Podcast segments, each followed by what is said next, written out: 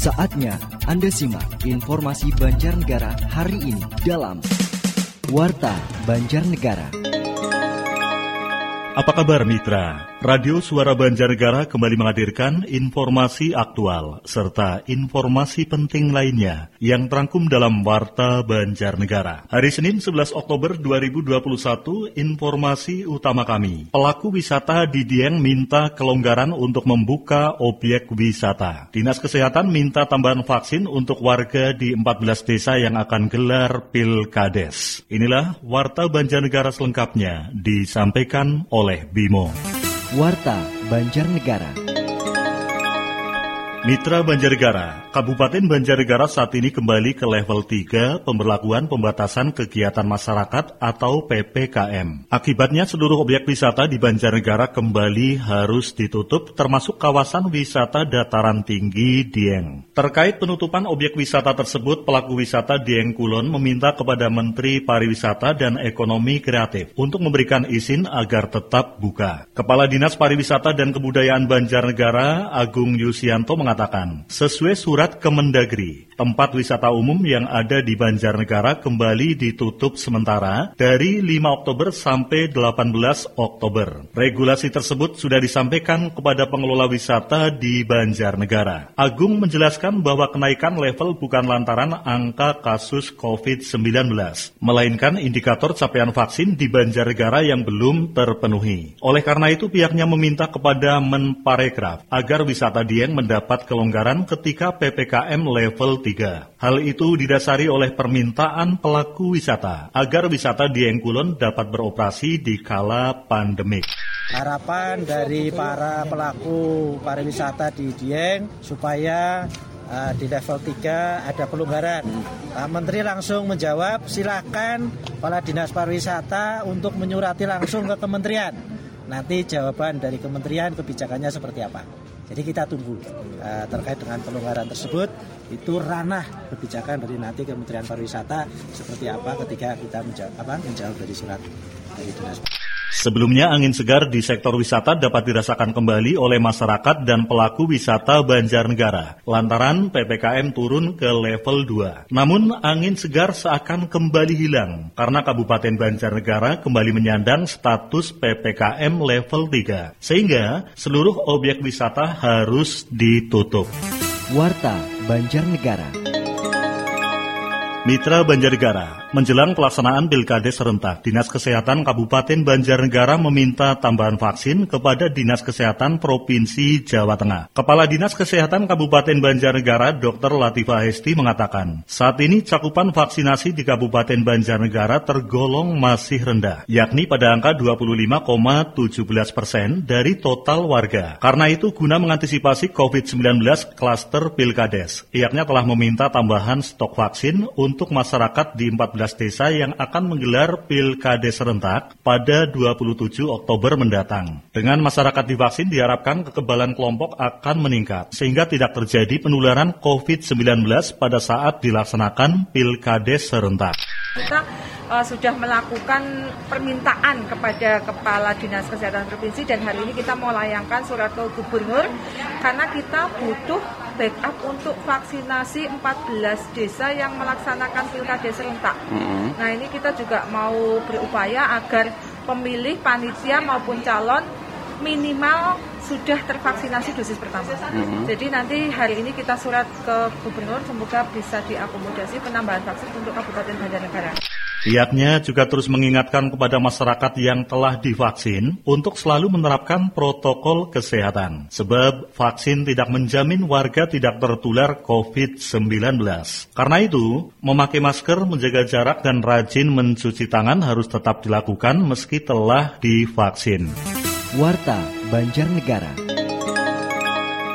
Mitra, masalah politik uang selalu terjadi dalam berbagai tingkatan pesta demokrasi termasuk pemilihan kepala desa. Untuk itu sebagai bentuk pencegahan dan antisipasi terjadinya politik uang, Pemkab Banjarnegara membentuk satuan tugas atau Satgas Pilkades dan Anti Mane Politik. Tim Satgas Anti Mane Politik dibentuk sebagai bagian dari tim yang membantu panitia pelaksanaan Pilkades yang akan digelar secara serentak di Kabupaten Banjarnegara pada 20 27 Oktober Oktober mendatang. PLH Bupati Banjarnegara Samsudin mengatakan satu dari tugas Satgas ini adalah membantu panitia pemilihan dalam mengawasi penyelenggaraan pilkades, terutama dalam tahapan-tahapan kritis seperti pada masa kampanye dan saat pemungutan suara. Satgas ini terdiri dari Ketua RT, RW, dan Linmas. Selain itu, dia juga menekankan penyelenggaraan pesta demokrasi harus sukses dan menghasilkan kepala desa terpilih yang berkualitas. Samsudin juga mengingatkan agar panitia pemilihan dan masyarakat tidak abai akan protokol kesehatan pada penyelenggaraan pilkades serentak di masa pandemi COVID-19. Seperti diketahui, pilkades serentak di Banjarnegara akan digelar di 14 desa yang tersebar di 11 kecamatan pada 27 Oktober mendatang. Warta Banjarnegara. Mitra Banjarnegara, terima kasih Anda masih bergabung di 104.4 FM Radio Suara Banjarnegara. Berbagai informasi aktual, lintas peristiwa yang terjadi di Banjarnegara masih Bimo kabarkan untuk Anda dalam Warta Banjarnegara. Informasi yang lainnya, Badan Penanggulangan Bencana Daerah Banjarnegara terus mengintensifkan pemantauan terhadap wilayah kecamatan yang rawan menghadapi bencana tanah longsor pada saat musim hujan ini. Kepala Bidang Kedaruratan dan Logistik BPBD Banjarnegara, Andri Sulistyo mengatakan di Banjarnegara setidaknya ada lima kecamatan yang dinilai rawan menghadapi tanah longsor, yakni Wanayasa, Banjarmangu, Susukan, Pagentan, dan Punggelan. Karena itu pihaknya meningkatkan kewaspadaan terhadap kemungkinan terjadinya bencana longsor di lima kecamatan yang memang terindikasi rawan longsor. BPBD Banjarnegara juga meminta masyarakat di wilayah rawan longsor untuk terus meningkatkan kewaspadaan. Masyarakat juga diminta agar tidak panik menghadapi peningkatan curah hujan, namun harus tetap waspada. Saya sudah lakukan beberapa pemetaan daerah rawan bencana dari kajian resiko yang sudah ada. Daerah rawan banjir, banjir eh, bandang dan banjir biasa kami identifikasikan gitu. Satu. Yang kedua, kita telah melakukan menyiapkan eh, destana kita, komunitas menes kita untuk melaksanakan kesiapan dalam rangka musim hujan.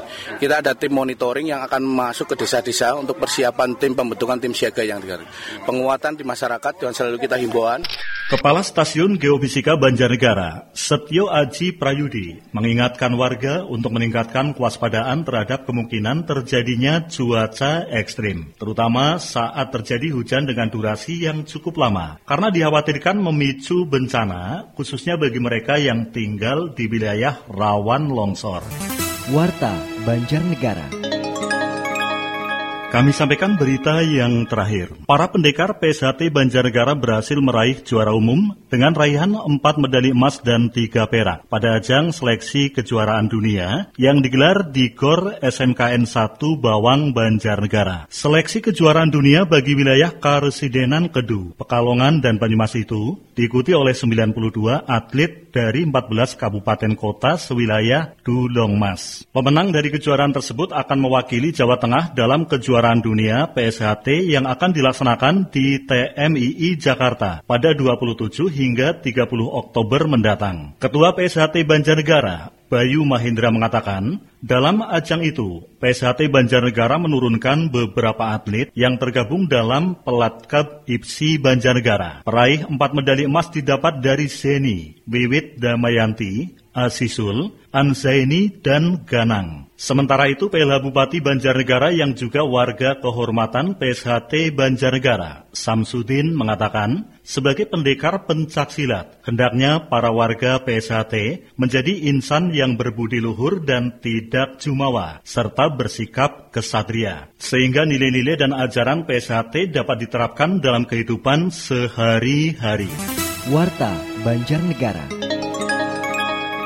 Mitra Banjarnegara, demikian tadi berbagai informasi aktual telah kami hadirkan untuk Anda dalam Warta Banjarnegara, edisi hari Senin, 11 Oktober 2021. Akhirnya, dari Jalan Selamanik nomor 1 Banjarnegara, mewakili kerabat kerja yang bertugas. Saya Bimo, mengucapkan terima kasih atas perhatiannya. Sampai jumpa, salam gilar-gilar.